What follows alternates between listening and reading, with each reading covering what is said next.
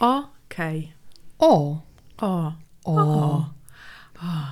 Dzisiaj będzie bardzo dużo e, jednej głoski. O, Porozmawiajmy o. O. o.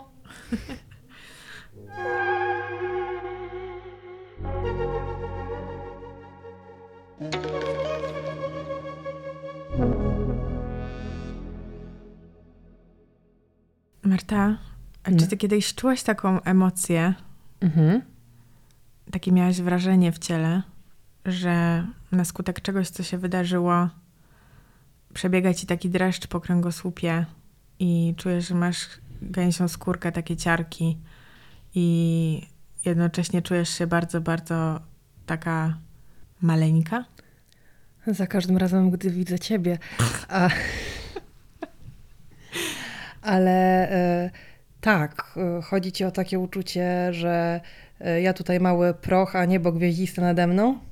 O takie uczucie właśnie, że ci opada szczęka i rozszerzają się oczy i mówisz, To na przykład jak zobaczyłam e, już jako dorosły człowiek ocean pierwszy raz w życiu, o, było to bardzo piękne i siedziałam tam, on był bardzo zimny, trudno było tam do niego wejść, więc e, no, nie wchodziłam. Znaczy trochę wchodziłam, bo chciałam poczuć trochę tej potęgi na, na kostce, ale tak patrzyłam sobie, siedziałam i patrzyłam, jaki on jest potężny i to jednak Bałtyk to nie to samo, bo człowiek widzi ten półwysep helski i wie, że tam zaraz Szwecja. Że jakby, wiesz, była łódka, to byś dopłynęła, a tutaj, wiesz, Krzysztof Kolumb. ale to było, powiedziałabyś, takie pozytywne uczucie, negatywne. No pozytywne, ale też miałam w pamięci jakieś takie obrazy, że, że jakby właśnie ta potęga żywiołu może się przerodzić w coś groźnego bardzo. I oczywiście nie przerodzi mi się tutaj to na plaży w Porto, Mhm. ale na przykład przypomniały mi się e, takie obrazki, które były w telewizji, jak pamiętasz w 2004 e, było trzęsienie ziemi na Oceanie Indyjskim, wtedy w święta Bożego Narodzenia i było to potężne tsunami i tam zginęły setki tysięcy ludzi, o ile dobrze pamiętam. I były właśnie te e, zdjęcia na wszystkich kanałach e, ogromnych, przetaczających się fal e, przez siedziby ludzkie, plaże.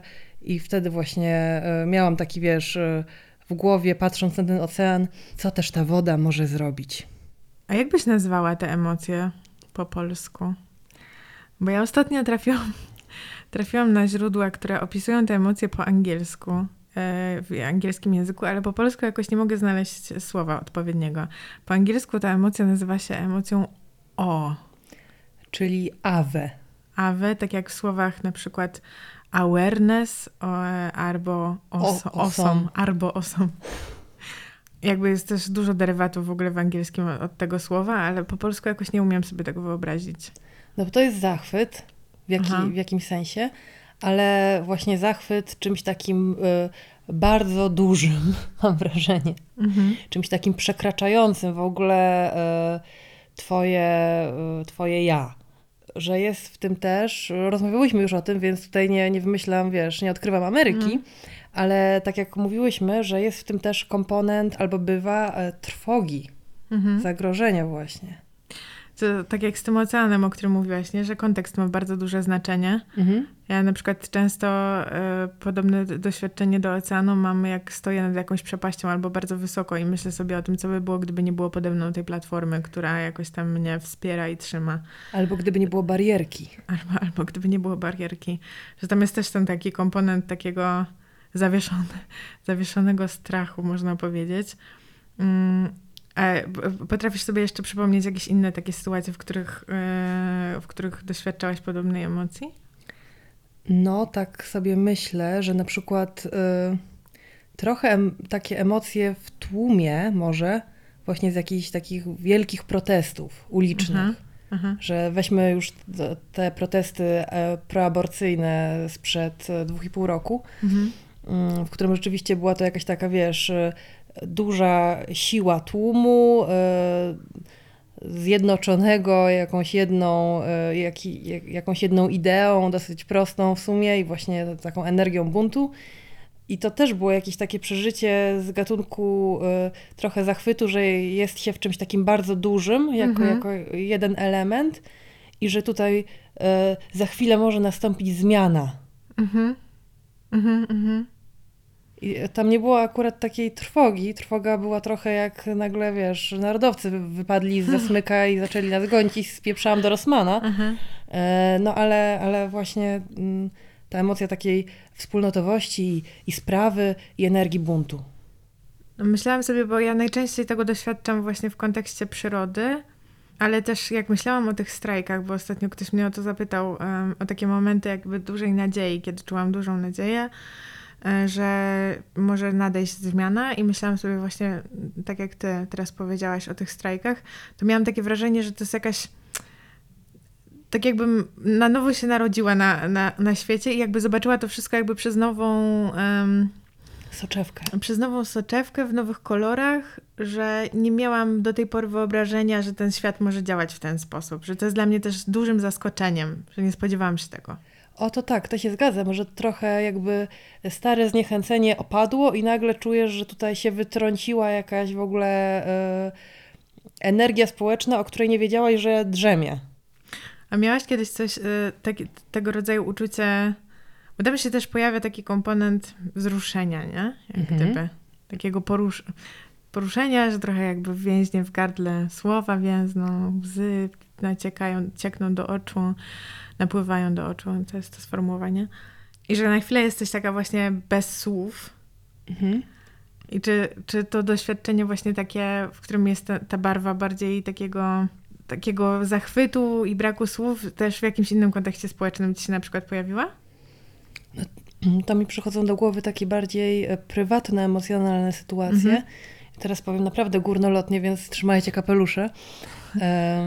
Że na przykład jak jesteś oszołomiona, wiesz, potęgą miłości. Myślę, Mhm. że na przykład jeżeli e, jesteś e, matką i trzymasz swojego noworodka, Mhm. to totalnie to masz. Mhm. Totalnie czujesz się oszołomiona potęgą w ogóle tych y, hormonów, tego wyrzutu. Wow, co się dzieje? Nowe życie. Wow, ja, ja je zrobiłam. Wow! I je kocham od razu. Mhm. Że, że myślę, że to wiele kobiet y, przeżywa y, po porodzie, jak rodzą chciane dziecko. Mm.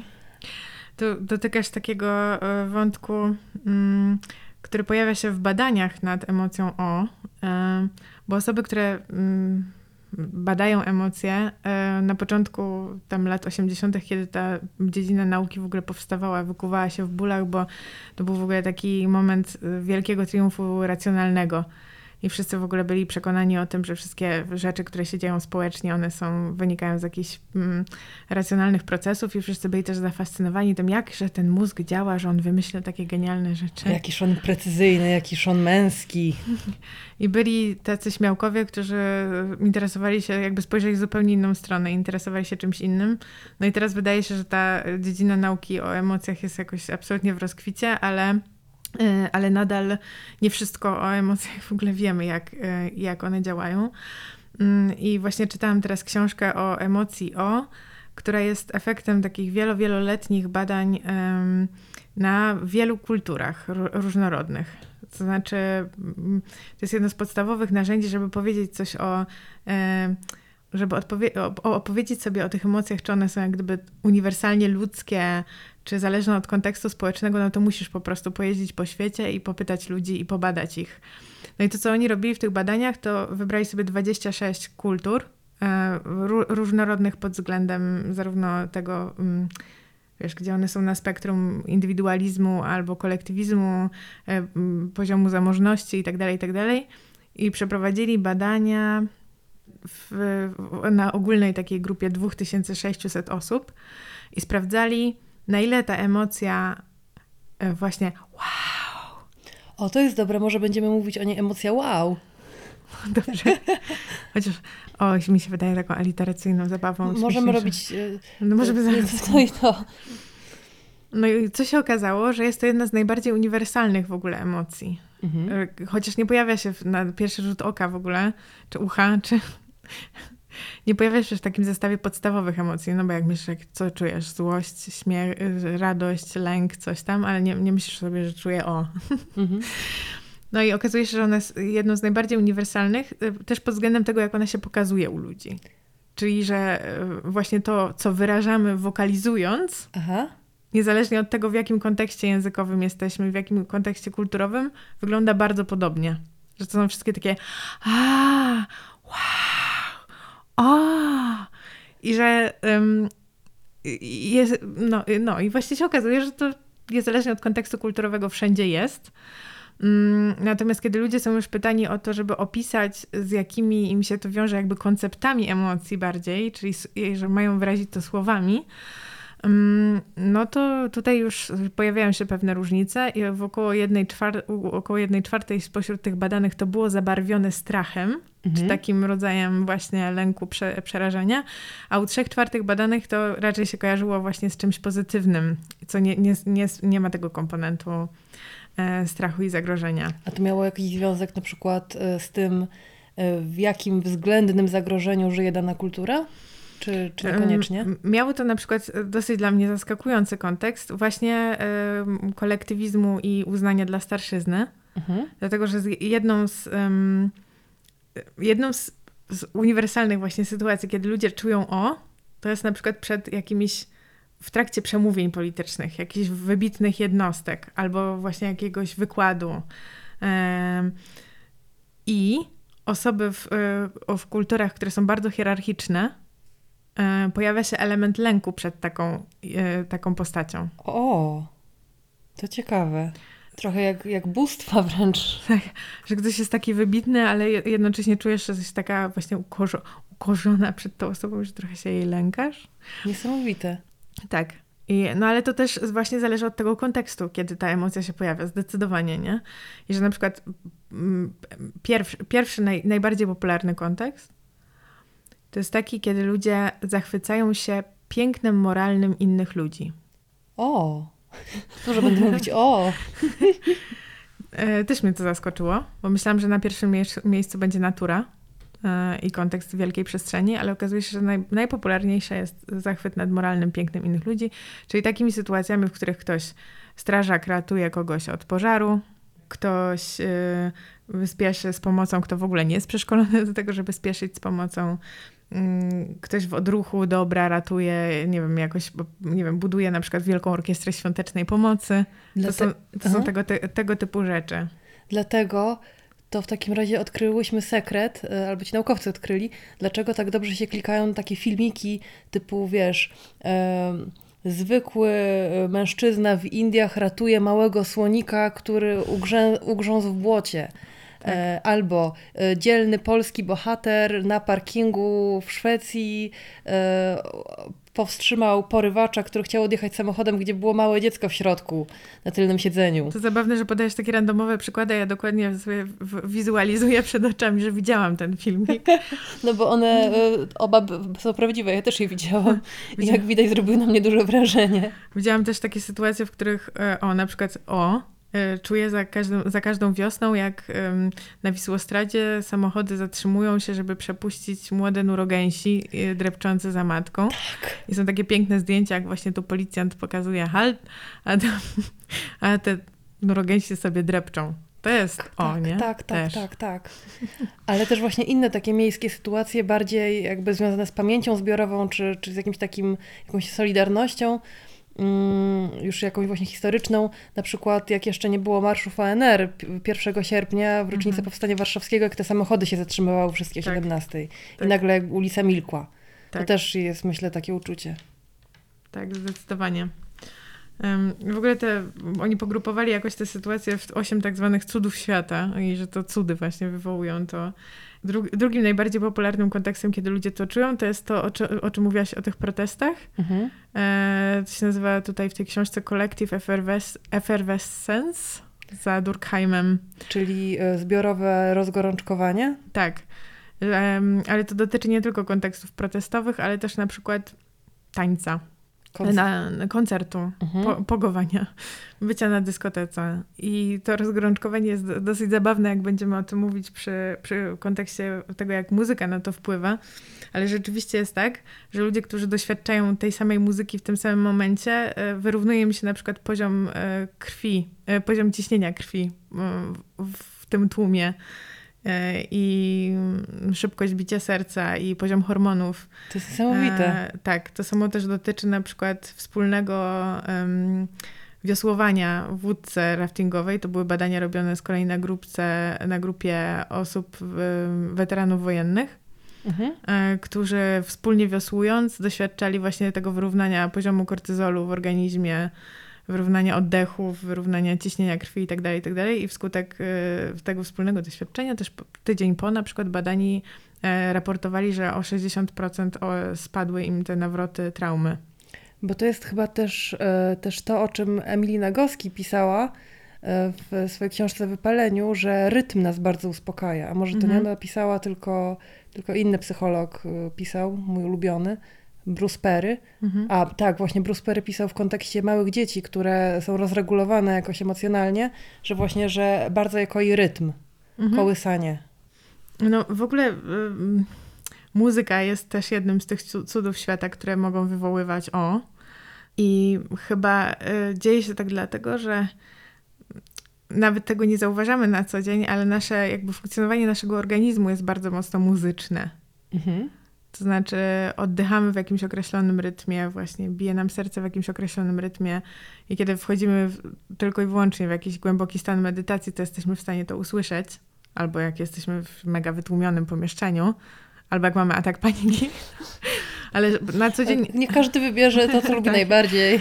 E, w każdym razie na co dzień nie zwracamy na to uwagi. Natomiast rzeczywiście muzyka tutaj wychodzi na taką jedną z najbardziej pierwotnych form, które nie tylko jakby wchodzą w, po pierwsze w, w, zgodność rytmiczną z twoim ciałem, właśnie z tym rytmem oddechu, bicia serca itd., tak itd., tak ale też mogą tym, na to wpływać i tym sterować, a przez to, że mogą sterować tym u dużej grupy ludzi, to powoduje też właśnie kolektywizację, że tak powiem. To, że ludzie przestają się zachowywać jak jednostki, a bardziej jak... Ul. Jak ul. Jak grupa no jest oczywiście natura wśród tego, czyli te nasze oceany, przepaści, sztormy, błyskawice. Janusz Palikot lecący helikopterem nad Wielkim Kanionem. to myślę, że do cudów moralnych się zalicza. Do, do, do tego, jak nas literatura pochłania. No właśnie, co ciekawe, wśród sztuk różnych literatury tutaj nie ma dyskusyjne dla mnie dosyć. Natomiast są sztuki wizualne i w ogóle visual design projekt, bo to może dotyczyć na przykład piękna budynków um, i dotyczy, jest ściśle związane z naszym zmysłem wzroku i też e, takimi pierwotnymi strukturami mózgu, które rozpoznają pewne kształty, pewne figury jako coś, co na przykład jest znajome i bezpieczne, albo nieznajome i zagrażające, albo coś takiego, co jest zupełnie nowe i mnie jakoś wystrzela w kosmos. Um, autor tej książki, którą czytałam, opisywał to na przykładzie kontaktu z obrazami um, mistrzów holenderskich. No i oczywiście wśród dzieł kultury także religia. Um, no tak, omdlenia na mszach ojca Boszobary, ale też rozumiem e, wszelka medytacja, e, wspólna modlitwa właśnie kolektywna, zbiorowa, głośna, śpiew, gospel. No i różne inne też fizyczne rytuały, które, które nie kojarzą nam się wprost z naszym doświadczeniem kościoła i religii, a jednak w wielu kulturach jakoś są i są dużo fajniejsze niż te nasze. Czyli na przykład co, wspólny taniec? tak wspólny taniec, wspólny marsz, jakiś rodzaj wspólnego działania, nie wiem, bycia. Nawet nie potrafię sobie tego wyobrazić, ale jak, nie wiem, się buduje razem jakieś rzeczy albo leży razem po prostu na trawie, stykając się stopami mm, albo masuje sobie stopy nawzajem. Nie, nie wiem, Myje no. sobie stopy nawzajem. O, a widzisz. Jak tutaj Chrystus w piśmie. Ale też jak powiedziałaś o marszu, to pomyślałam sobie o właśnie e, jakby naj e, najgorszej zapewne historycznie formie marszu, o jakiej w ogóle pomyśleć mogę, czyli o tych wielkich nazistowskich e, marszach i myślę, mhm. że ludzie też e, maszerujący tam mieli totalnie poczucie o. No. no i to jest właśnie ten problemik, że to może być niestety e, instrumentalnie traktowane w bardzo złych celach, myślę. Mhm. Ale tylko jeśli ktoś rzeczywiście rozpozna te struktury, do których może się odwoływać. W sensie wydaje mi się, że to musi grać na jakichś realnych strunach, które istnieją w ludziach, bo inaczej by tego nie kupili po prostu. A faszyzm rozpoznawał, widzisz, czyli rozpoznaje, jak pomyślisz o architekturze włoskiej z lat 30., tej monumentalnej, tych No. No, żeśmy doszły. A żeśmy doszły. Kolejny cud świata, już przedostatni, to jest ten, o którym mówiłaś o małym dziecku trzymanym w ramionach. Ja bym to pod to podciągnęła, czyli w ogóle historia narodzin i śmierci. Mhm. E, czyli bycie świadkiem e, tego, że ktoś właśnie przychodzi na, na świat albo odchodzi z niego. Jako właśnie coś tak, takie doświadczenie, które cię totalnie wybija z tego rytmu codzienności i każe ci z nas spojrzeć na wszystko jak z perspektywy właśnie małego, e, maluczkiego pyłku. No i ostatnie to e- epifania, olśnienia, doświadczenie genialnej myśli, pięknego wiersza. Ale doświadczenie własnej genialnej myśli, czyli ten Archimedes wyskakujący z wody i krzyczący Eureka, czy, czy Myślę, doświadczenie też też. cudzej? No myślę, że w momencie, kiedy Archimedes wyskakiwał z wody, też czuł dreszcze, dreszcze na, e, na potylicę i gęsią skórkę. Nie Bo tylko, zimno, dlatego, że się, nie tylko dlatego, że woda była zimna.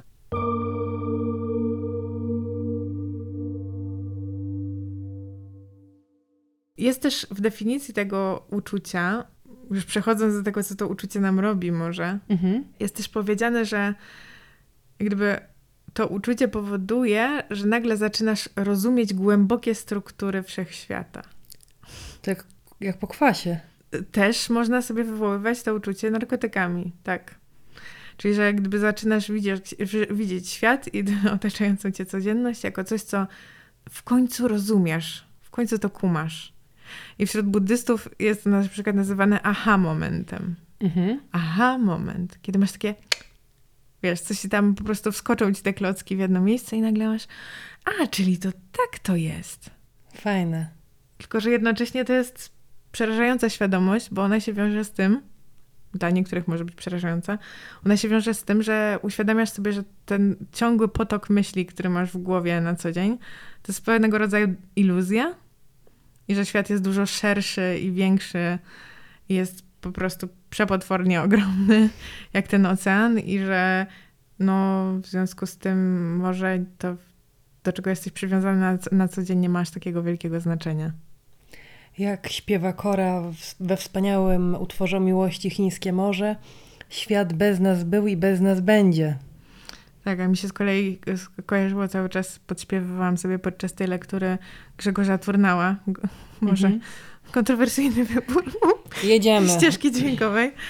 E, że owszem, jestem pyłkiem, ale na wyjściowej marynarce świata.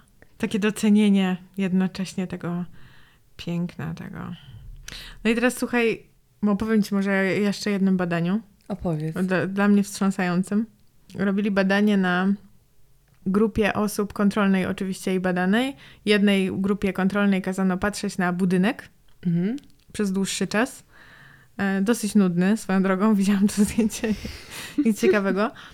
E, a drugiej grupie kazano patrzeć na piękne drzewo, mm, wiesz, wyr- wyrośnięte, przerastające osobę i w ogóle jakieś też, nie wiem, szumiące liście i tak dalej, i tak dalej. Też aspekt dźwiękowy na pewno miał znaczenie.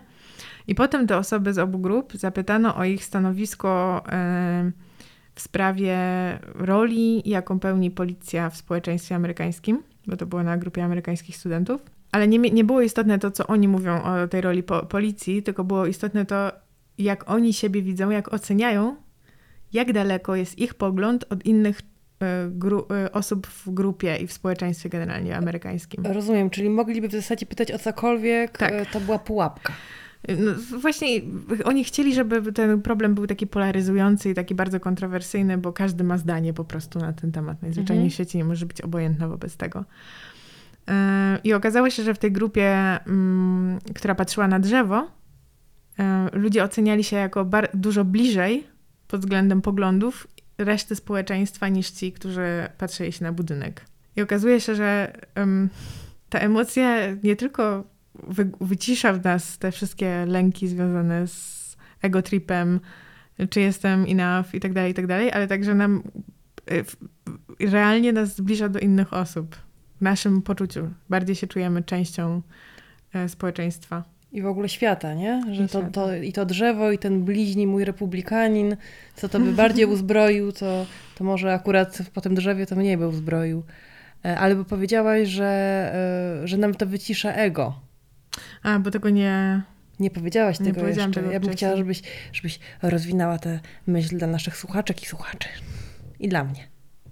No właśnie chciałam cię zapytać o to twoje doświadczenie oceanu. Czy, mia... czy właśnie, czy miałaś takie, taki moment, kiedy po prostu byłaś wypełniona jak gdyby tym szumem i tym, tymi przestworzami i mniej myślałaś o codziennych troskach, że tak to ujmę. No i właśnie oczywiście totalnie. To znaczy, y, ja tam długo siedziałam i w ogóle wiesz, no jest to sytuacja zasadniczo dosyć nudna, nie? To znaczy nic się nie dzieje. Te fale, y, jedna przypływa, druga za nią Zero i tak dalej, i tak dalej. Y, ni- Nie ma telewizorka żadnego. I wiesz, no jakby nie ma rozmowy, nie ma intelektualnego fermentu. y, Siedzisz i patrzysz. No i jest to zapętlone też, nie jest to linearne, nie? W Tak. sensie Więc w normalnej takiej rośnie. sytuacji, do której jesteś przyzwyczajona, nawet nie wiem, w pociągu, czy, czy po prostu jak siedzisz w poczekalni, czy, czy w tramwaju, to y, głowa zaczyna pracować i jest potok myśli, nie? Mhm. A, a potok myśli zazwyczaj no, nie rozmyślamy o, o kancie, jak, jak siedzimy w tramwaju, więc dotyczy rzeczy codziennych. A właśnie patrząc na ten ocean, to tego nie miałam. Nie zaczęłam nagle rozmyślać, jak na nudnym filmie w kinie, e, a co tutaj e, ja sobie jutro na obiad zrobię, albo e, czy koleżanka jest na mnie zła. Mhm. Nie było tego. No właśnie, ja tego doświadczyłam samego na Islandii po prostu w, w, w, w milionie odsłon. Ale przypomniałam sobie, jak usiadłam przed takim wodospadem, który mi, jakby spadała mi ta woda w bardzo niedalekiej odległości od mojej twarzy, tuż przede mną, jakby na wysokości mojego wzroku. I też miałam wrażenie, że nie, nie, nie umiem powiedzieć, ile czasu minęło, kim jestem, czy ja jestem tymi kroplami wody, które. Kroplą deszczu, e, perłą drzemiącą wśród fal. To zupełnie nie miało dla mnie jakiegoś znaczenia. Tak jakby wyciszyły się te wszystkie głosy, które na co dzień wypełniają mi głowę i byłam tylko w tym szumie. Do momentu Mhm. oczywiście, kiedy nie zdrętwiała mi noga i musiałam się już podnieść. Ciało przypomniało. Bezwzględne. No i to z kolei się właśnie potwierdza w innych badaniach, e, które, są, e, które, które były prowadzone, że ludzi proszono o to, żeby narysowali siebie w kontekście e, ich otoczenia w grupie kontrolnej w mieście, a w grupie badanej w, w, wiesz, w obliczu jakiegoś tam wielkiego kanionu. I postać ja była dużo, dużo mniejsza po przebywaniu w tej, w tej pięknej przyrodzie e, na, na rysunku. Stosunkowo zajm- zajmowała po prostu mniejszą część kartki niż w przypadku miasta. E, No i z kolei jak badają poziomy hormonów, to się okazuje, że wszystkie hormony stresu wskutek O spadają, a y, rośnie poziom oksytocyny, który jest hormonem, jak już wiemy, przywiązania, relacji, poczucia bezpieczeństwa, bycia częścią, bycia w domu. To jest chyba coś podobnego jak to, o czym rozmawiałyśmy w kontekście odcinka OK Tempest, że e, UK e, twórczość, akty twórcze własne są takim momentem, w którym to ego się wycofuje i wektor twój jest skierowany na zewnątrz i to jest w tym piękne. Mhm. Że chyba też o to chodzi właśnie, że wektor jest tak skierowany na zewnątrz, tak to zjawisko wielkie nas pochłania, że już nie mamy zasobu w ogóle, żeby mm, analizować samych siebie w tej sytuacji. Już nam nie starcza, bo to tak wypełnia. Tak, tak, tak. Co mnie zaskoczyło też, to że nie wszyscy ludzie Mhm. znają te emocje mm, jako coś, co jest taką codzienną częścią ich życia. Są ludzie, którzy doświadczyli, doświadczyli tego kilka razy w życiu wyłącznie i uważają to jednak za coś bardzo wyjątkowego. Mhm. Zaskoczyło mnie to dlatego, że dla mnie to jest element codzienności, absolutnie. To fajnie chyba, nie? chyba ci się udało. Fajnie, bo okazuje się, że jeśli tak będzie dalej, to, to będę miała niższe ryzyko chorób serca i depresji, e, więc bardzo się cieszę. Mm, No ale byłam przekonana, że to jest coś takiego, co mają wszyscy. I to mi też jakby wyjaśniło mi moje poczucie osamotnienia wiele razy, jakby w dzieciństwie, którego doświadczałam, bo mi się zdawało, że wszyscy mają tak samo i nie rozumiem, dlaczego nie chcą się skupić na patrzeniu, jak woda cieknie w strumyku, albo jak liście szumią, e, tylko są zajęci, albo, albo się nudzą w tym kontekście, albo są zajęci czymś innym, albo w ogóle nawet nie dostrzegli tego, że, że coś takiego się dzieje obok. Ale w ogóle dzieci to mają rozwinięte niesamowicie i to jest chyba taka jedna z fajnych cech w dzieciach, Mhm. że wystarczy e, naprawdę coś małego, żeby one już miały o. No tak, bo dla nich właśnie wszystko jest nowe i muszą tak pozna poznawać, mieć te Poznawać świat w pieluszkach e, happy. i mm, przeżywać olśnienia takie. A, więc to tak działa. Jak wsadzę rękę do Piekarnika. piekarnika, to się poparzę. No i chyba to też ta różnica między ludźmi, e, a propos tej nowości, polega na tym, że wydaje mi się, że w ogóle więcej okazji do przeżywania tej emocji o e, mają osoby, które są otwarte na nowe doświadczenia. To Mm. znaczy, że po prostu pójdą, e, pojadą na weekend w nowe miejsce. Mhm. Zobaczą, wiesz, przyrodę zamiast siedzieć na kanapie. Ruszą ku ludziom, których nie znają jeszcze za dobrze. Mhm. Że jak jest ten zew przygody, to jest więcej okazji. Mhm. No tak, robienie czegoś zupełnie inaczej niż do tej pory, nie? Mhm. W tym w ogóle Pixar ostatnio się tak jakoś specjalizuje mega w filmach o emocjach i zrobili, nie wiem czy ty widziałaś ten film Soul? Nie, opowiedz. Mm, Po polsku to jest jakoś przetłumaczone jakoś tak dziwnie, co w duszy gra, o. A tam literalnie chodzi o kontekst muzyka soulowego, jazzowego, który po prostu całe życie czekał na ten jeden moment, w którym będzie mógł zagrać na scenie prawdziwej, bo na co dzień jest nauczycielem p- fortepianu czy tam jakiejś orkiestry szkolnej i naprawdę nudzi mu się to, nie, nie na to liczył, a jest już dojrzałym mężczyzną i, i w końcu dzwoni do niego jakiś jego w ogóle były uczeń, który kiedyś, z kiedyś, kiedyś go tam pamięta i mówi, że potrzebują muzyka do gigu. No i jest w końcu ta, na, ta szansa, ta nadzieja, że on w końcu wypłynie. No, No i jak się domyślasz? nie wypływa. Czy się nie domyślasz? wypływa? Pomiędzy próbą a koncertem umiera. I to dla dzieci film jest? To jest, dla, to jest dla dorosłych, myślę, film, ale w każdym razie nie będę opowiadać całej fabuły. To akurat się dzieje dosyć na początku i chyba jest A. nawet w trailerze, więc to Bo tam jest duch. Tak. Boże, jak ja jestem bystrą analityczką kultury, to, to nic tylko od razu honoris causa z filmoznawstwa dawać. w, każdym, w każdym razie, że on oczywiście mm, idzie sobie w zaświaty. No i za wszelką cenę chce wrócić na, na ziemię, no bo nie spełnił tego swojego marzenia, tak? No tak, jak każda dusza, która nie dopełniła swojego tutaj losu na ziemi, musi się błąkać. No i Traf chce, że w, jego po, ponownej podróży na ziemi, na, na ziemię e, towarzyszy mu dusza, która jeszcze na ziemi nie była Mhm. e, i bardzo bała się być. Mm, I przez nie wiadomo jakie eony świetlne unikała pójścia na ziemię, no ale razem lądują. I ten ma okazję spojrzeć na świat oczami tej nowej duszy, jak gdyby. Jaki to jest, jaki to musi być fajny film. To jest przepiękny film. Ja go muszę obejrzeć. To jest przepiękny film i właśnie ten moment, w którym on jakby na nowo, dzięki tej nowej perspektywie widzi coś, co do tej pory umykało jego uwadze. Mhm. Jest, no to jest, ca- cały ten film jest o o w gruncie rzeczy. Przepiękne. O emocji. Ej, a jak o nim opowiadałaś, Tak. to jeszcze mam jedno, jedną refleksję, bo pamiętasz, jak e, rozmawiając o cringe'u, przytoczyłyśmy tę znaną e, od niedawna maksymę, że kto się boi cringe'u, ten się boi życia. Ja też uważam, że kto się boi cringe'u, ten się boi o. No tak, no.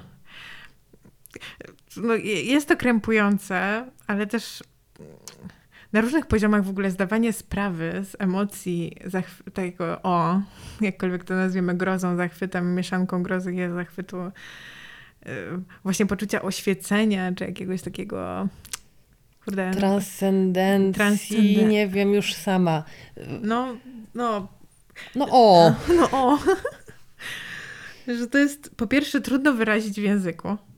No bo jak to opisać? Właśnie na poziomie takich fizycznych doznań, czy tego, co, co, ci się konceptualizuje w tym, w tym momencie. No bo dla jednych to jest po prostu bardzo religijne przeżycie, nie? Więc jakby też trudno się sprawozdawać z tego, że no, tak z, tych, z tych duchowych przeżyć, no bo no nie jest te, temat codziennej konwersacji po prostu. Co tam, co robiłaś w weekend? A, miałam Epifanie. Epifa- epifanię w lesie, no come on. Albo właśnie wstydzimy się też mówić o wielkich emocjach, boimy się, że to będzie e, jakieś egzaltowane. Sama zrobiłam trzy disclaimery, zanim e, powiedziałam na początku tego odcinka o potędze miłości. No, A któż jej nie czuł, e, ten nie wie, jaka jest potężna, ale kto czuł, ten wie. no i właśnie, czy jest jakaś metoda na skuteczne, nie cringe'owe przekazywanie o?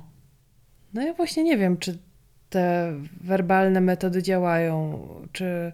A też trochę dziwnie w rozmowie narysować komuś obrazek. e, Bo to, ta emocja jest taka bardzo antysłowna, że Mhm. nie podyskutujesz. Wychodzisz, e, dajmy na to, z filmu czy z koncertu, który zrobił ci o, no i nie odbędziesz półgodzinnej rozmowy, tak jak wtedy, kiedy y, tutaj coś ci się podobało, ale coś ci się nie podobało i dlatego ja tak e, w sumie trochę podziwiam różnych krytyków, którzy na przykład chodzą na różne wydarzenia kulturalne typu e, koncerty, spektakle i tak właśnie dyskursywnie myślą. Mhm. Ja jestem bardzo prosta i często mam tak, że po prostu czuję, wiesz, y, coś mnie porusza i tyle. Mhm. E, No ale nie o tym. Mhm. No to nie wiem, to chyba niewerbalnie się można tylko skomunikować i to wyrazić. I może dlatego też w toku ewolucji wykształciliśmy te e, specjalne onomatopeje o i specjalną mimikę y, dla tego uczucia. Mhm. Że to już ktoś, ktoś nas widzi i wie, że jesteśmy w stanie głębokiego zachwytu. Mhm. Bo w ogóle też ciekawa rzecz o tych em, emocjach i szczególnie o emocji o, że Mhm. ona jest bardzo, bardzo stara. Ponieważ właśnie widać ją we wszystkich kulturach. Tak jak na przykład weźmy, nie wiem, radość. Jak na zachodzie ona jest wyrażona mimicznie inaczej niż w kultura, kulturach azjatyckich, no nie? które mają dużo bardziej jakby powściągliwość dużą wobec emocji radości. Mm, Podobnie jest pewnie z gniewem albo jakimś strachem. Natomiast jeśli przychodzi do O, to ona wygląda bardzo podobnie w bardzo, bardzo różnych kulturach. I w, w różnych kulturach jest podobna trudność z oddaniem jej w słowach. E, I to, to, to słówko O, a awe, ono w jakimś bardzo staro, starej wersji języka nordyckiego oznaczało właśnie onomatopeję, którą człowiek wy, wypowiada w, w chwili grozy przed siłami natury. I było też to bardzo mocno związane z takim systemem wierzeń, w którym na przykład ocean jest Bogiem. Mhm. I ocean jest Bogiem, który ci zagraża i też było to super silnie związane z lękiem. I odpowiadają w ogóle za czucie tej emocji, za to, że ona się pojawia, bardzo stare struktury w mózgu, czy w naszym systemie nerwowym in general. A inna część mózgu zupełnie naszego jest odpowiedzialna za to, żeby nadawać tym emocjom formę słowną Aha. albo symboliczną. I komunikacja pomiędzy tymi dwiema częściami nie jest y, super prosta w przypadku emocji o. E, I tak sobie myślę, że właśnie generalnie słowami trudno jest to oddać, ale można słowami próbować wywołać te emocje. Aha. Przychodzą ci do głowy jakieś takie teksty literackie, które czytałaś i czułaś sobie, Kurczę. To myślę, że bardziej poezja niż proza. mhm, mhm, Ale musiałabym sobie dłużej pomyśleć, bo, bo właśnie ta werbalność kiepsko na mnie działa pod względem wywoływania emocji o. I tak bez muzyki, No że nie piosenka. no.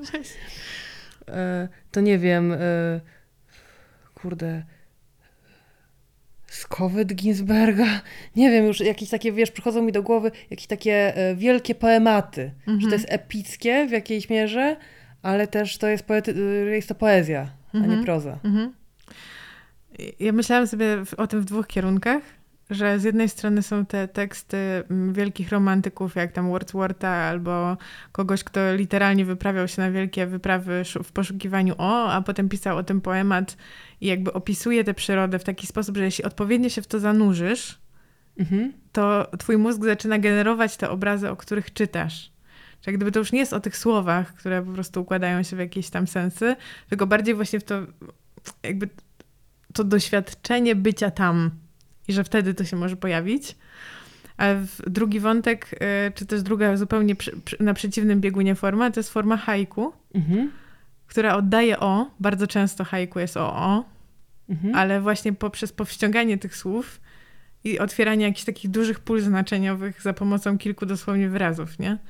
I na przykład jak sobie myślę o e, moim ulubionym chyba haiku o e, tłumaczonym przez Miłosza. To jest chyba tak z Basho. E, Ślimaczku, wspinaj się na górę Fuji, ale powoli, powoli. O, jakie to jest ładne. No i czy to nie jest o? Czy czujesz o? Tak, czuję. Czy ściarki? Czuję, czuję, że ślimaczek jest bardzo mały, a ta góra jest taka wielka, ale są ze sobą w harmonii. No, I wszystko się toczy tak, jak się ma toczyć. tak. I nie śpiesz się, ślimaczku. To ja też ci przytoczę. e, mały wróbelku, uciekaj stąd, uciekaj, bo konik jedzie. To sama I, napisałaś? nie, to, is, to Issa Kobayashi, ale, ale tak mi przyszło do głowy a propos tego ślimaczka, ale to chyba nie ma budzić o. Chociaż groza tego konika to... Taka jest moja znajomość haiku. Ja jeszcze przez te, em, przez te zdrobnienia jakoś mi się wydało to bardzo bliskie poezji ludowej polskiej. Ale też a propos lakoniczności pomyślałam o wierszach i Cummingsa, takich o Aha. miłości, które są, e, są właśnie takie lakoniczne, e, takie obrazy wywołują po prostu. Znajdę jakiś taki, który pasuje do tego i go umieszczę e, też w naszych referencjach na Instagramie, które wstawiamy zawsze, Mhm. żeby zobrazować, bo teraz nie mam, wiesz, na, e, na dziko w głowie poezji do wyciągnięcia. Ja myślałam sobie o Williamie, Carlosie Williamsie Mhm. e, i takich zachwytach na przykład nad jakimiś takimi c- prze, przedmiotami codziennego użytku. Mhm. Generalnie kariera codzienności w literaturze. Czasami oczywiście totalnie źle użyta w, w, w, w służbie egotripu, ale, ale bywają też wiersze, które po prostu współczesne, które totalnie dotykają tego samego, jakiegoś takiego zachwytu nad tań, tańcem e, e, reklamówki na wietrze.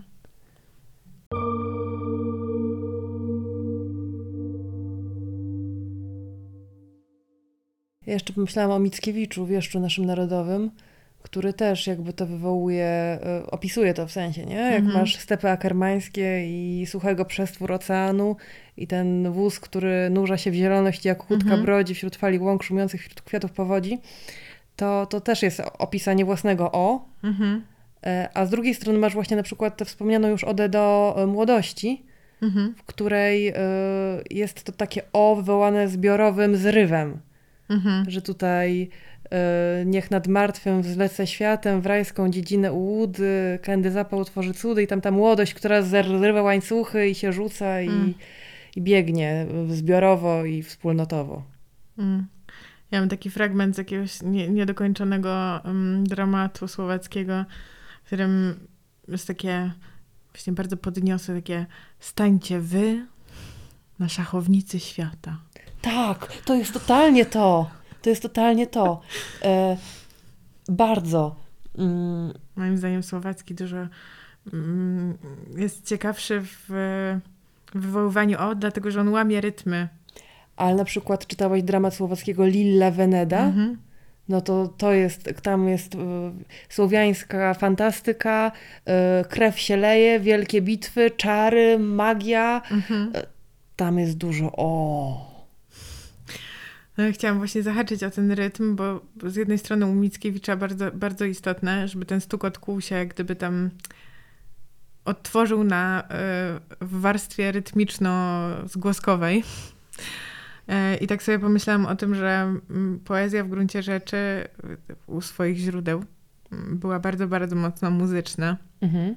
bardzo związana z e, odpowiednim rozłożeniem akcentów i rytmu oraz e, jakimiś tam brzmieniami konkretnych głosek otwartych, zamkniętych.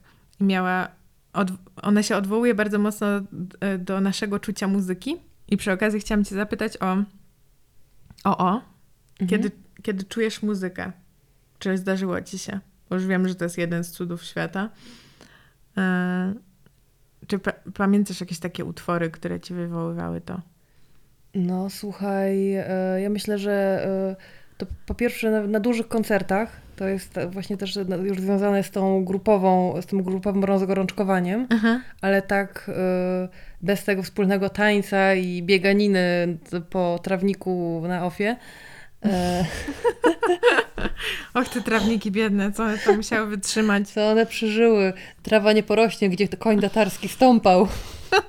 Ileż, ja sobie, ileż myśmy zgromadziły w ogóle tutaj e, erudycji w ciągu tych dwóch tygodni.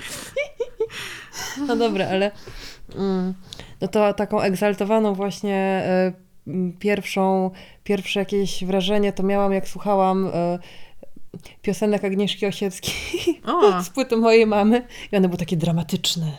mhm. E, to było A wykonane... jakąś konkretną, czy? Mm, no nie pamiętam już, ale tam była. Nie, nie pamiętam już teraz. Ale one były takie właśnie dramatyczne i to też aktorzy śpiewali. I proszę mnie nie oceniać, ja miałam 5 lat wtedy.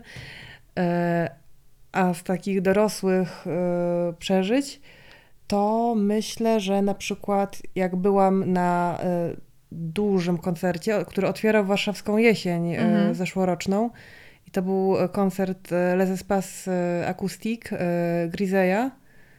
Właśnie no, wielka orkiestra, e, bardzo e, takie budowanie dramaturgii niesamowite na takich nie, no, niesłyszanych zwykle dźwiękach, bo na, jakby na alikwotach. To jest, ja Mhm. nie umiem tego dobrze wytłumaczyć, bo ja się nie znam na muzyce, ty wiesz lepiej na pewno, no ale w każdym razie bałam się, że to będzie trudne bardzo, Mhm. bo to jest, ten nurt spektralizm, on jest trudny i to może brzmieć jak jazgot, Mhm.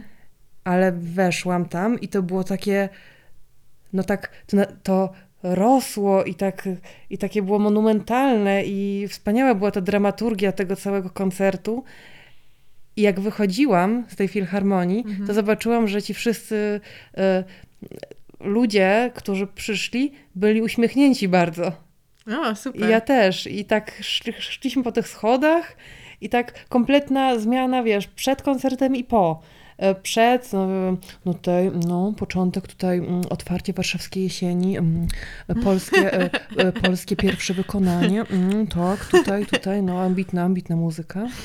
A potem wszyscy tak, wiesz, z bananem na ryju. Już nikt nie gadał. E, właśnie ludzie ga- gadali, ale gadali, ale też spotkałam tam jakichś znajomych i tak było, ale to był fajny koncert.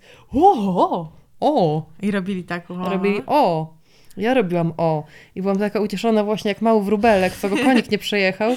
I tak szłam i też właśnie opowiadałam, że tak się bałam, tak się bałam, a tak było super. Mm. To jest super ciekawe, co powiedziałaś, że, e, że ta muzyka była taka monumentalna i że jednocześnie była nie taką muzyką, której zwykle słuchasz, w sensie nie, nie była melodyjna. Mhm. I to jest właśnie ciekawe, że oni mm, jak badali to, jak, w jaki sposób to się dzieje, że muzyka wywołuje o, Mhm. Mm, to się okazało, że no, najprostsza teza jest taka, że to jest związane z tekstem. Że tam po prostu masz jakiś tekst, który wiesz, wachetauf i po prostu wszyscy Bóg mnie woła. Ale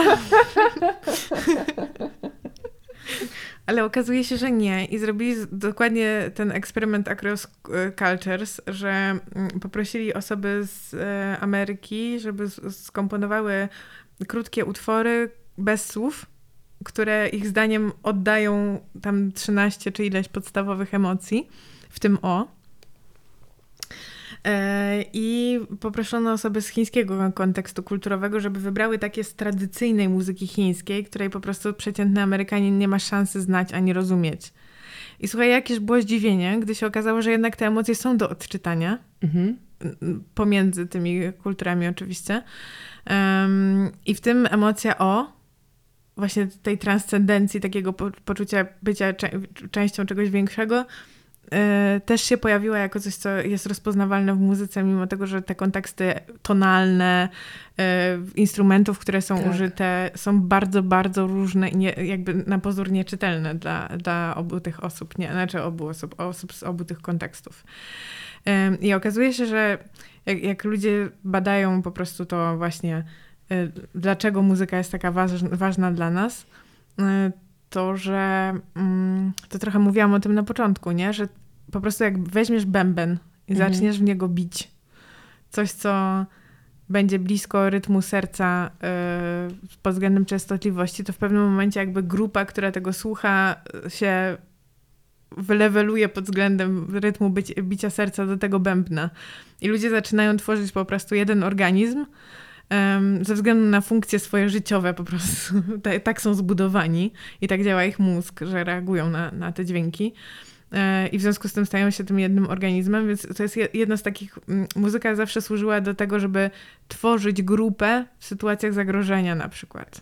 Aha. Ktoś stoi na czatach, Bębny wojenne i Tak, e, te, na przykład. No. ten taki na trąbce, co gra. Mhm. Ty trębasz. Trębacz. Hej, na listę, mariacki. Hej na listę. Sygna- no tak, albo na muszli jakieś tam. Albo Mm. ten, e, mm, hobbici mieli takie rogi bojowe. Tak. I e, Gimli też. Ale też wspólny śpiew, który na przykład powoduje, że lepiej idzie robota, albo że w ogóle idzie jak przy wiosłowaniu łodzią, gdzie mnóstwo osób musi się skoordynować w tym samym czasie. Mhm. Eee, więc to ma też tak bardzo pierwotne funkcje muzyka ma dla przetrwania naszego, Mhm.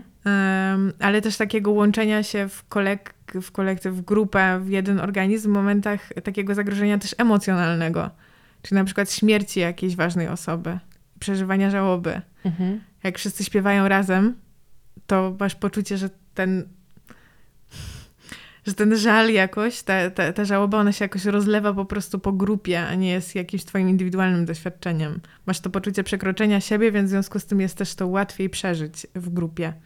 Ja tego doświadczyłam, naprawdę nie spodziewałam się tego, Aha.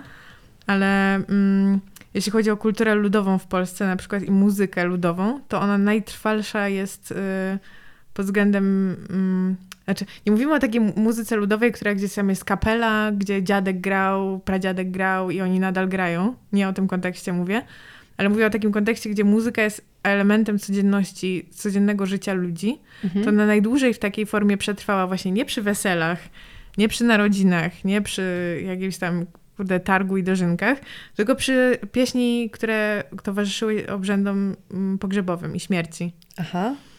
E, I nadal żyją osoby, które, dla których to było elementem codzienności e, właśnie takiej związanej z żałobą, że oni śpiewali te pieśni i je znają. Mhm. Więc jest, jest z kolei grupa takich etnologów, powiedzmy, aktywistów muzycznych, którzy jeżdżą po Podlasiu i zbierają te pieśni. Mm, To znaczy uczą się ich od osób, które już nawet, mm, no nie wiem, powiedzmy od 20 lat czy od iluś ich nie śpiewały, ale je pamiętają.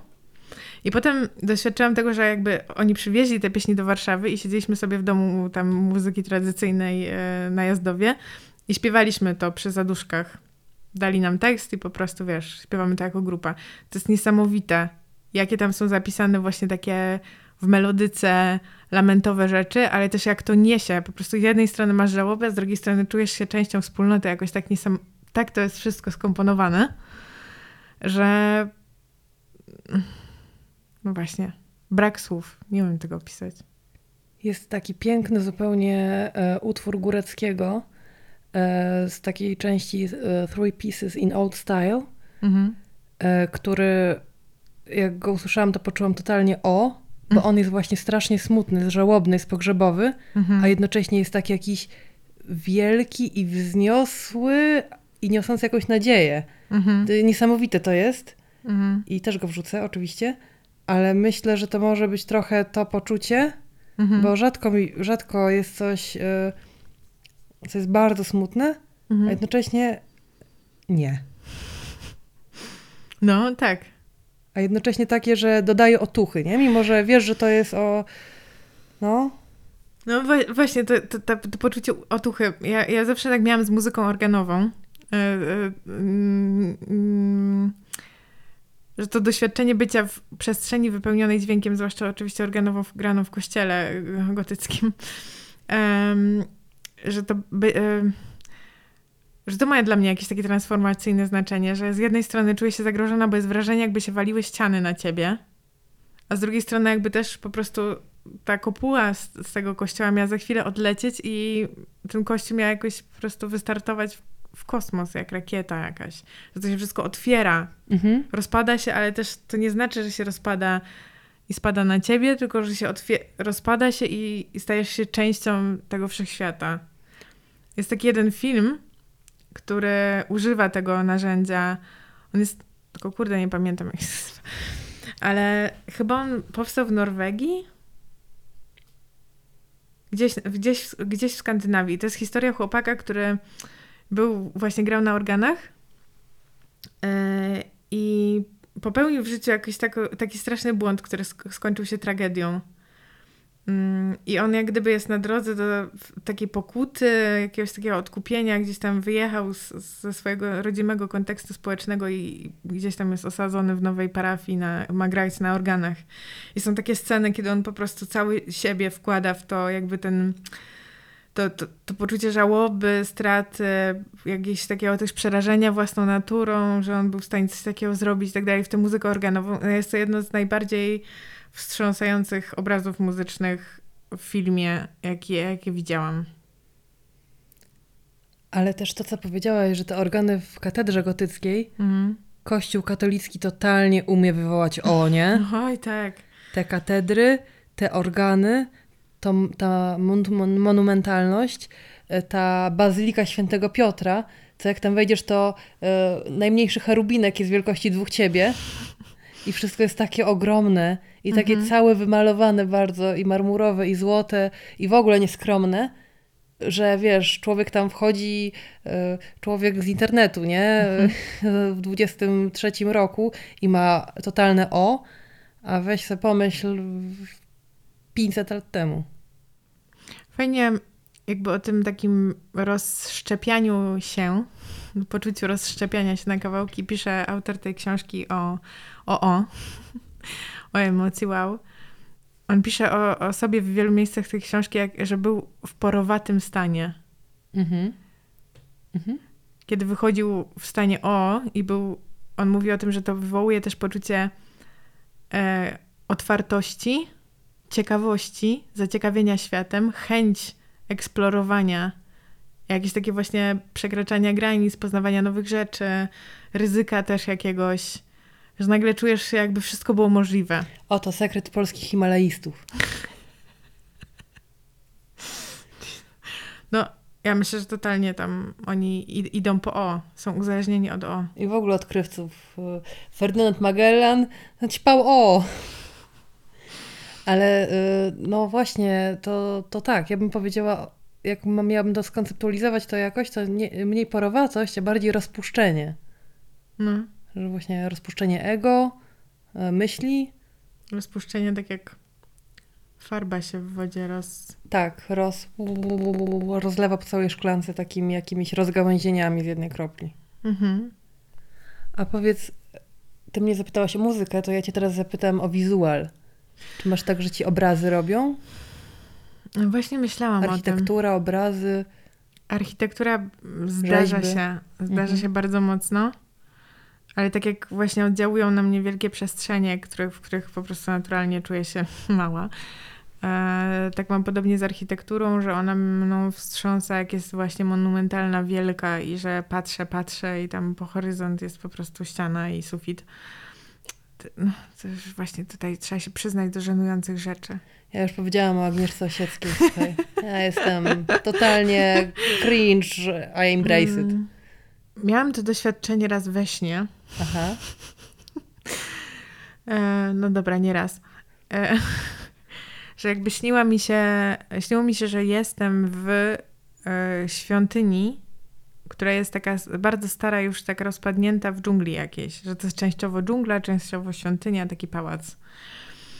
Nigdy nie byłam w takiej dżunglo świątyni, jakby w, w realu.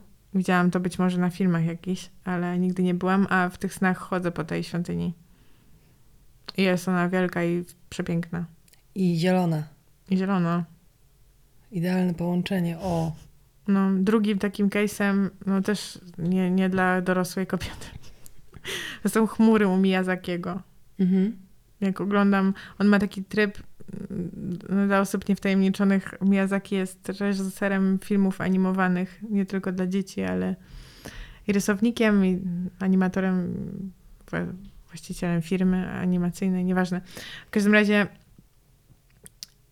on ma takie zawsze momenty w swoich narracjach, które często bardzo dotyczą wielkości przyrody pięknej. Że nagle robi stop akcja i jest tylko kadr na przepływające chmury na, po niebie. Tylko Japończyk mógłby, nie? No właśnie. Dlaczego tylko oni? Dlaczego tego nie ma u nas? No ja na przykład wymyślił ten koncept pływającego zamku po niebie. Na oderwanej jakiejś wyspie, która po prostu jest opuszczona. Jest jednocześnie cudem technologii, jednocześnie cudem przyrody i no albo jak wziąć Nauzykę z Doliny Wiatru, jak ona wpada w pewnym momencie pod, pod poziom lasu i pod poziom ziemi i się okazuje, że tam jest jak gdyby odwrócony las, który jest jak katedra właśnie gotycka, składa się z takich wielkich kolumn sięgających do nieba. No przepiękne rzeczy, ale ze wszystkich nich chmury najbardziej. Ja po prostu bardzo często idę przez świat i szukam chmur takich, jak u Miyazakiego są w filmach. To w Zachęcie była kiedyś taka e, instalacja Rajkowskiej, e, która polegała na tym, że wchodzisz do pokoju i nagle jesteś jak gdyby pod korzeniami drzew. Zaczynała od Miyazakiego. No, są właśnie drzewa, zapach i tak dalej i to było super. To było mega imersyjne. No. A masz na przykład także obraz, taki wiesz, płaski, dwuwymiarowy obraz, y, panorama Racławicka, y, działa na ciebie? Miałaś tak na przykład, wiesz, w galerii sztuki, idziesz sobie, idziesz, y, Peggy Guggenheim, coś tam i nagle a, i stoisz pół godziny? I znowu ładnie, że, że, że ciarki, żenady. Czy, to, czy to wypada się zachwycać tak bardzo takimi obrazami? Jest taki kościół ormiański w, w Lwowie. Aha. Mam nadzieję, że nadal jest. Um, którego ściany są po, pokryte takimi freskami. Um, aż. I na tych freskach są aniołowie i oni mają takie oczy w ten sposób namalowane, że jesteś pewna, że ktoś na ciebie patrzy, a jednocześnie to nie jest osoba. I tam jest też dużo takich optycznych y, sztuczek, że jak spojrzysz na ten fresk od, z odpowiedniej odległości, to nagle widzisz, co widzą też postaci na tym obrazie na przykład. A jak stoisz blisko, to nie widzisz tego. Widzisz tylko ich wyrazy twarzy, że one reagują na coś, a jak odejdziesz kawałek, to widzisz też to, co i one widzą. Super. No. To brzmi jak bardzo y, pełne o doświadczenie. Zachwycające. Ale tak z obrazów, które mogłyby wisieć w galerii, Mhm.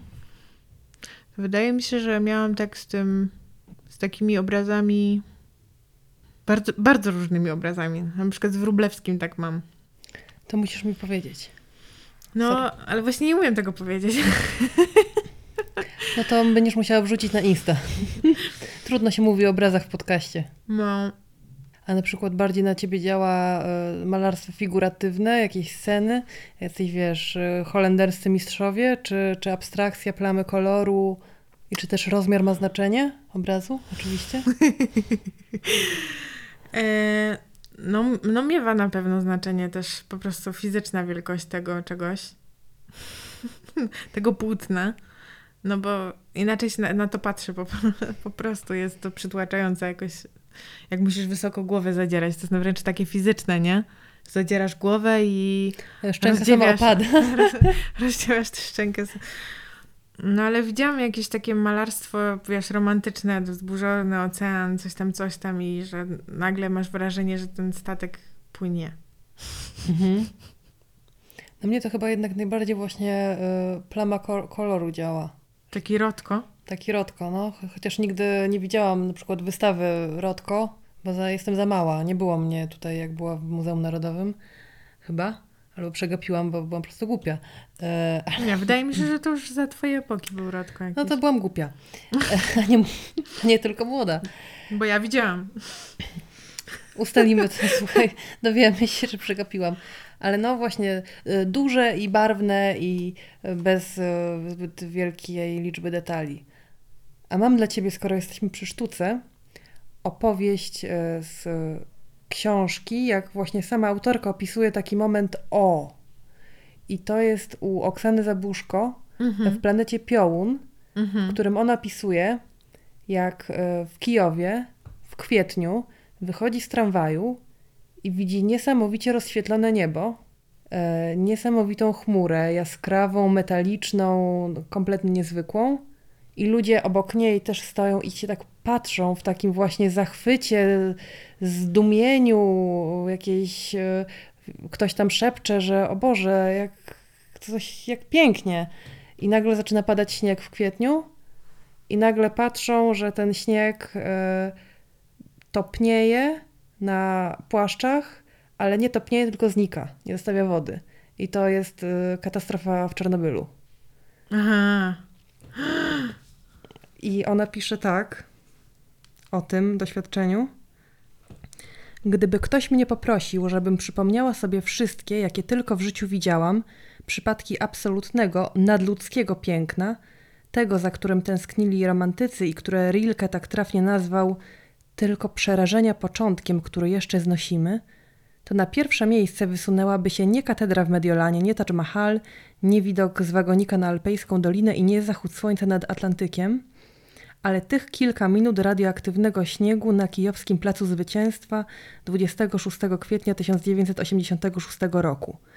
Nigdy ani wcześniej, ani później nie widziałam takiego nieba i wiele bym dała, żeby nigdy więcej go nie zobaczyć. Tu pasuje werset z Ewangelii. Straszna to rzecz wpaść w ręce Boga żyjącego. No i dalej leci z kolejnymi cytatami apokaliptycznymi e, z Biblii. No ale jest dokładnie to uczucie, nie? Tak.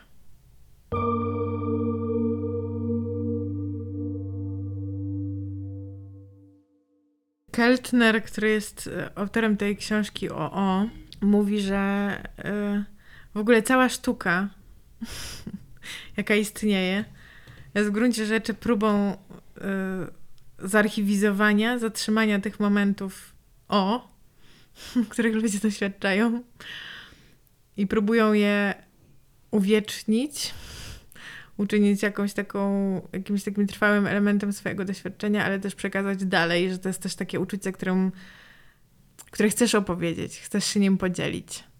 Bo, bo możesz się wystawić na śmieszność też po prostu, nie? Można o, o Mhm. mówić w taki sposób, że to będzie takie, że tylko Pensjona- pensjonarskie, będą egzaltowane. kpić z ciebie.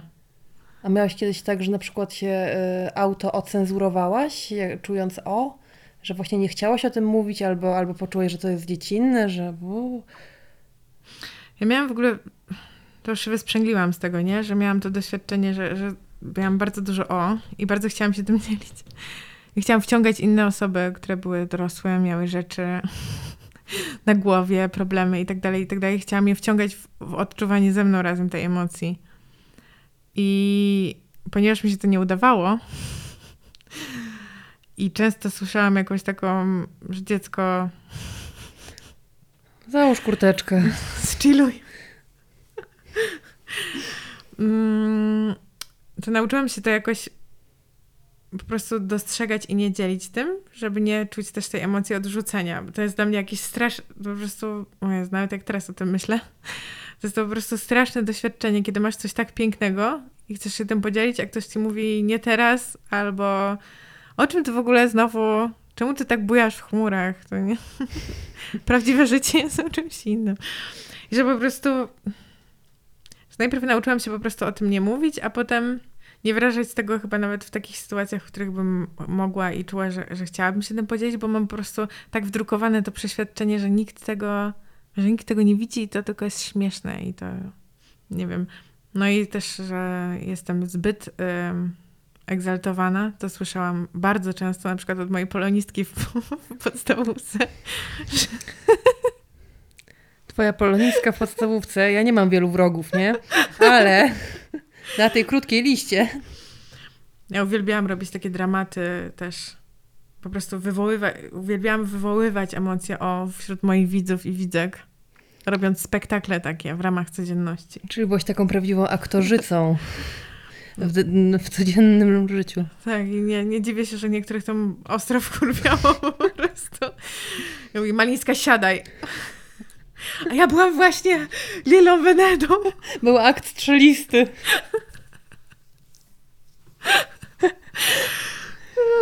Nie no, masakra. E, To jest doświadczenie ani z Zielonego Wzgórza, czy też Oho. z Zielonych Szczytów, które próbuje ludzi wciągnąć do swojego zachwytu nad białą panną, która jest tak naprawdę kwitnącym krzakiem jakiejś... Jakiegoś białego gówna. Jakieś wjechać tam po prostu coś tam, a ona tutaj w- o jakichś księżniczkach pierdzieli i to odrzucenie społeczne to jest totalnie moje doświadczenie. Kochanie, Tak. mam nadzieję, że tak zawsze będę dla ciebie Dianą, a nigdy Marylą. O, A myśmy kiedyś przeżyły razem o? No bo ty zaczęłaś jeździć w górę ym, jakoś już jak przestałaś ze mną mieszkać. W górach to żeśmy nigdy razem nie były. Więc nie przyroda. Na pewno przeżywałyśmy razem katarzis, Tak, tak, tak. oczyszczenie po Czy- zakończonych miłościach. Czy katarzis jest o? Myślę, że katarzis może nastąpić tylko po o, Mhm. ale czy rozstanie jest o? Też mi się tak wydaje, w sensie, że, że może o dostarczać rozstanie.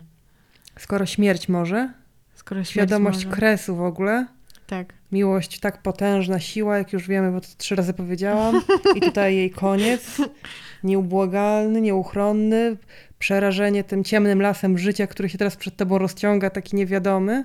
No, No jest to doświadczenie mocne. Tam jest o. tak. Wydaje mi się, że towarzyszyłyśmy sobie w różnych momentach utraty i że to, to było o. Zwłaszcza jeśli przeżywałyśmy obie w tym samym czasie. No, a na pewno miałyśmy sporo epifanii wspólnych. Tak. Kiedy widziałyśmy w, głowie wspólnie strukturę świata. Tak, to tak. No to tak to działa. Tak jesteśmy, widzicie, przyjaciółki. A myślisz, że na przykład y, nauka może też wywoływać o? Tak. Jestem tego pewna. Generalnie piękno twierdzeń matematycznych. Wiem, że to jest bardzo kontrowersyjna teza, ale w ogóle piękno matematyki, e, piękno różnych abstrakcyjnych konceptów mnie zachwyca osobiście i każe mi czuć się właśnie, wiesz, tak. Nigdy bym nie, nie doświadczyła zachwytu nad na przykład przepastnością historii świata, gdyby nie wykład, wiesz, ym, osoby, która zajmuje się właśnie historią Ziemi i potrafi to jakoś tak obrazowo Mhm. ale też na przykład Jane Goodall, która bada szympansy i mówi, że szympansy totalnie doświadczają o, kiedy patrzą na wodospad i tańczą przed nim. To jest naprawdę? One Tak. patrzą na wodospad i tańczą przed nim? Tak. To jest przepiękne. No, Myślę, że delfiny też na pewno doświadczają o, bo one są takie mądre. tak. I też tańczą wtedy i pluskają. Wnioskując w ogóle po tym, jak bardzo stara jest struktura mózgu, która czuje o, że tak powiem, i za co ona odpowiada, za przetrwanie gatunku tak naprawdę. Można powiedzieć, że ta emocja jest po to, żebyśmy przetrwali, jakby ona wyewoluowała, wyewoluowała po to, żebyśmy przetrwali największe momenty próby, czy jakiegoś, no tak, próby po prostu. Ale jak to Wyzwania. działa? W sensie, jak... No także właśnie trudno to wyrazić słowami i brzmi to totalnie jak mambo jumbo, ale tak nie jest, że jest wielki sztorm i wszyscy patrzymy na sztorm i robimy. Jednocześnie nasz system nerwowy zaczyna się dostosowywać, jakby wyrównywać się poziom hormonów różnych i przestajemy myśleć o indywidualnych strategiach przetrwania, ale zaczynamy myśleć, myśleć i tu robię cudzysłów wielki jak jeden organizm.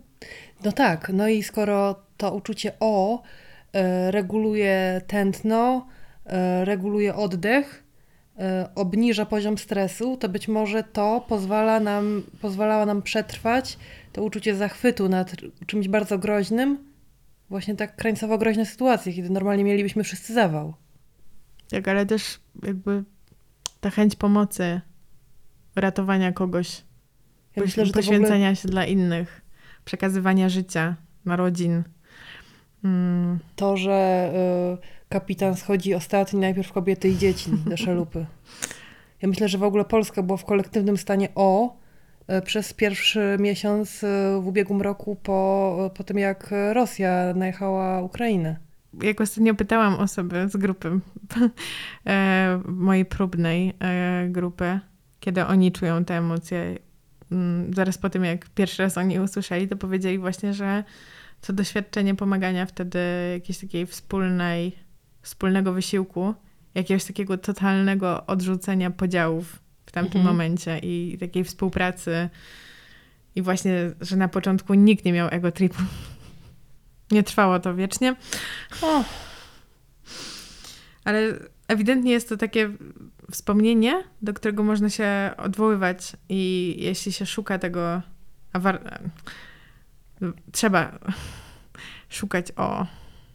Okazuje się, że jest to naprawdę jeden z najskuteczniejszych leków na depresję, e, ciężkie stany emocjonalne, poczucie osamotnienia, e, odrzucenia, niemożność wyjścia z e, żałoby, szukanie o. Oczywiście dałam disclaimer, żeby nikt nie pomyślał, że my to jesteśmy jakaś Beata Pawlikowska. E, Mówimy o lekach metaforycznie, w jakiejś mierze, czyli mówimy o stanach emocjonalnych, e, a nie o farmakoterapii tutaj. Nie mamy do niej nic. Nie mamy nic do farmakoterapii. y, Nie znamy się na farmakoterapii, ale wierzymy, że naukowcy się znają i trzeba im zaufać. Mm, Natomiast no, mówię, że o rzeczach, które, które mogą pomóc w momencie, kiedy ktoś już z innej pomocy korzysta. No, tu mam taką ładną dane, że, daną, że około 35 do 40% w zależności od badania ludzi e, w Stanach skarży się na e, permanentną samotność. I emocja o, która zbliża do innych ludzi Mhm. i w ogóle do świata i sprawia, odbudowuje to poczucie connectiveness, połączenia z, z, z otoczeniem, no jest lekiem na to, nie? Są też badania na to, że o można ćwiczyć, Aha. że im częściej doświadczasz o, tym głębsze to o może się stać następnym razem. Jak e, trening po prostu każdego mięśnia. Jak trening, jak trening mięśnia po prostu. Idźcie w świat, eksponujcie się na o, Idźcie i trenujcie swój mięsień. O, mięsień. Wow.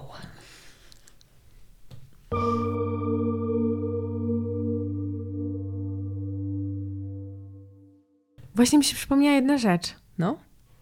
Ty chyba jesteś za młoda na to, ale był taki serial w moim dzieciństwie, który był o komputerku, o takim wirusie komputerowym, który właśnie nazywał się Wow.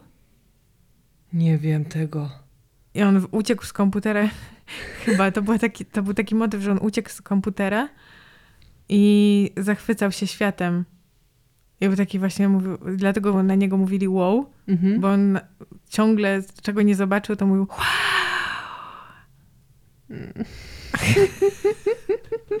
Piękny polski serial o, o technikach komputerowych. Grał w nim Wojciech Malajkat.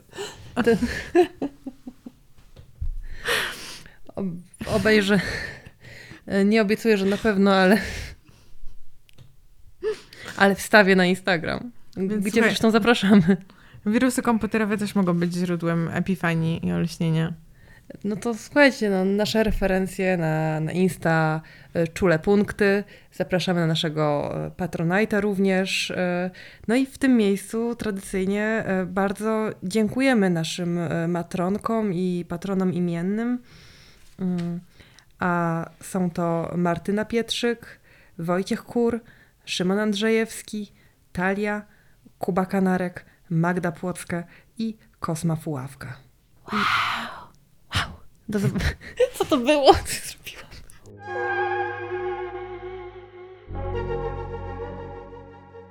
thank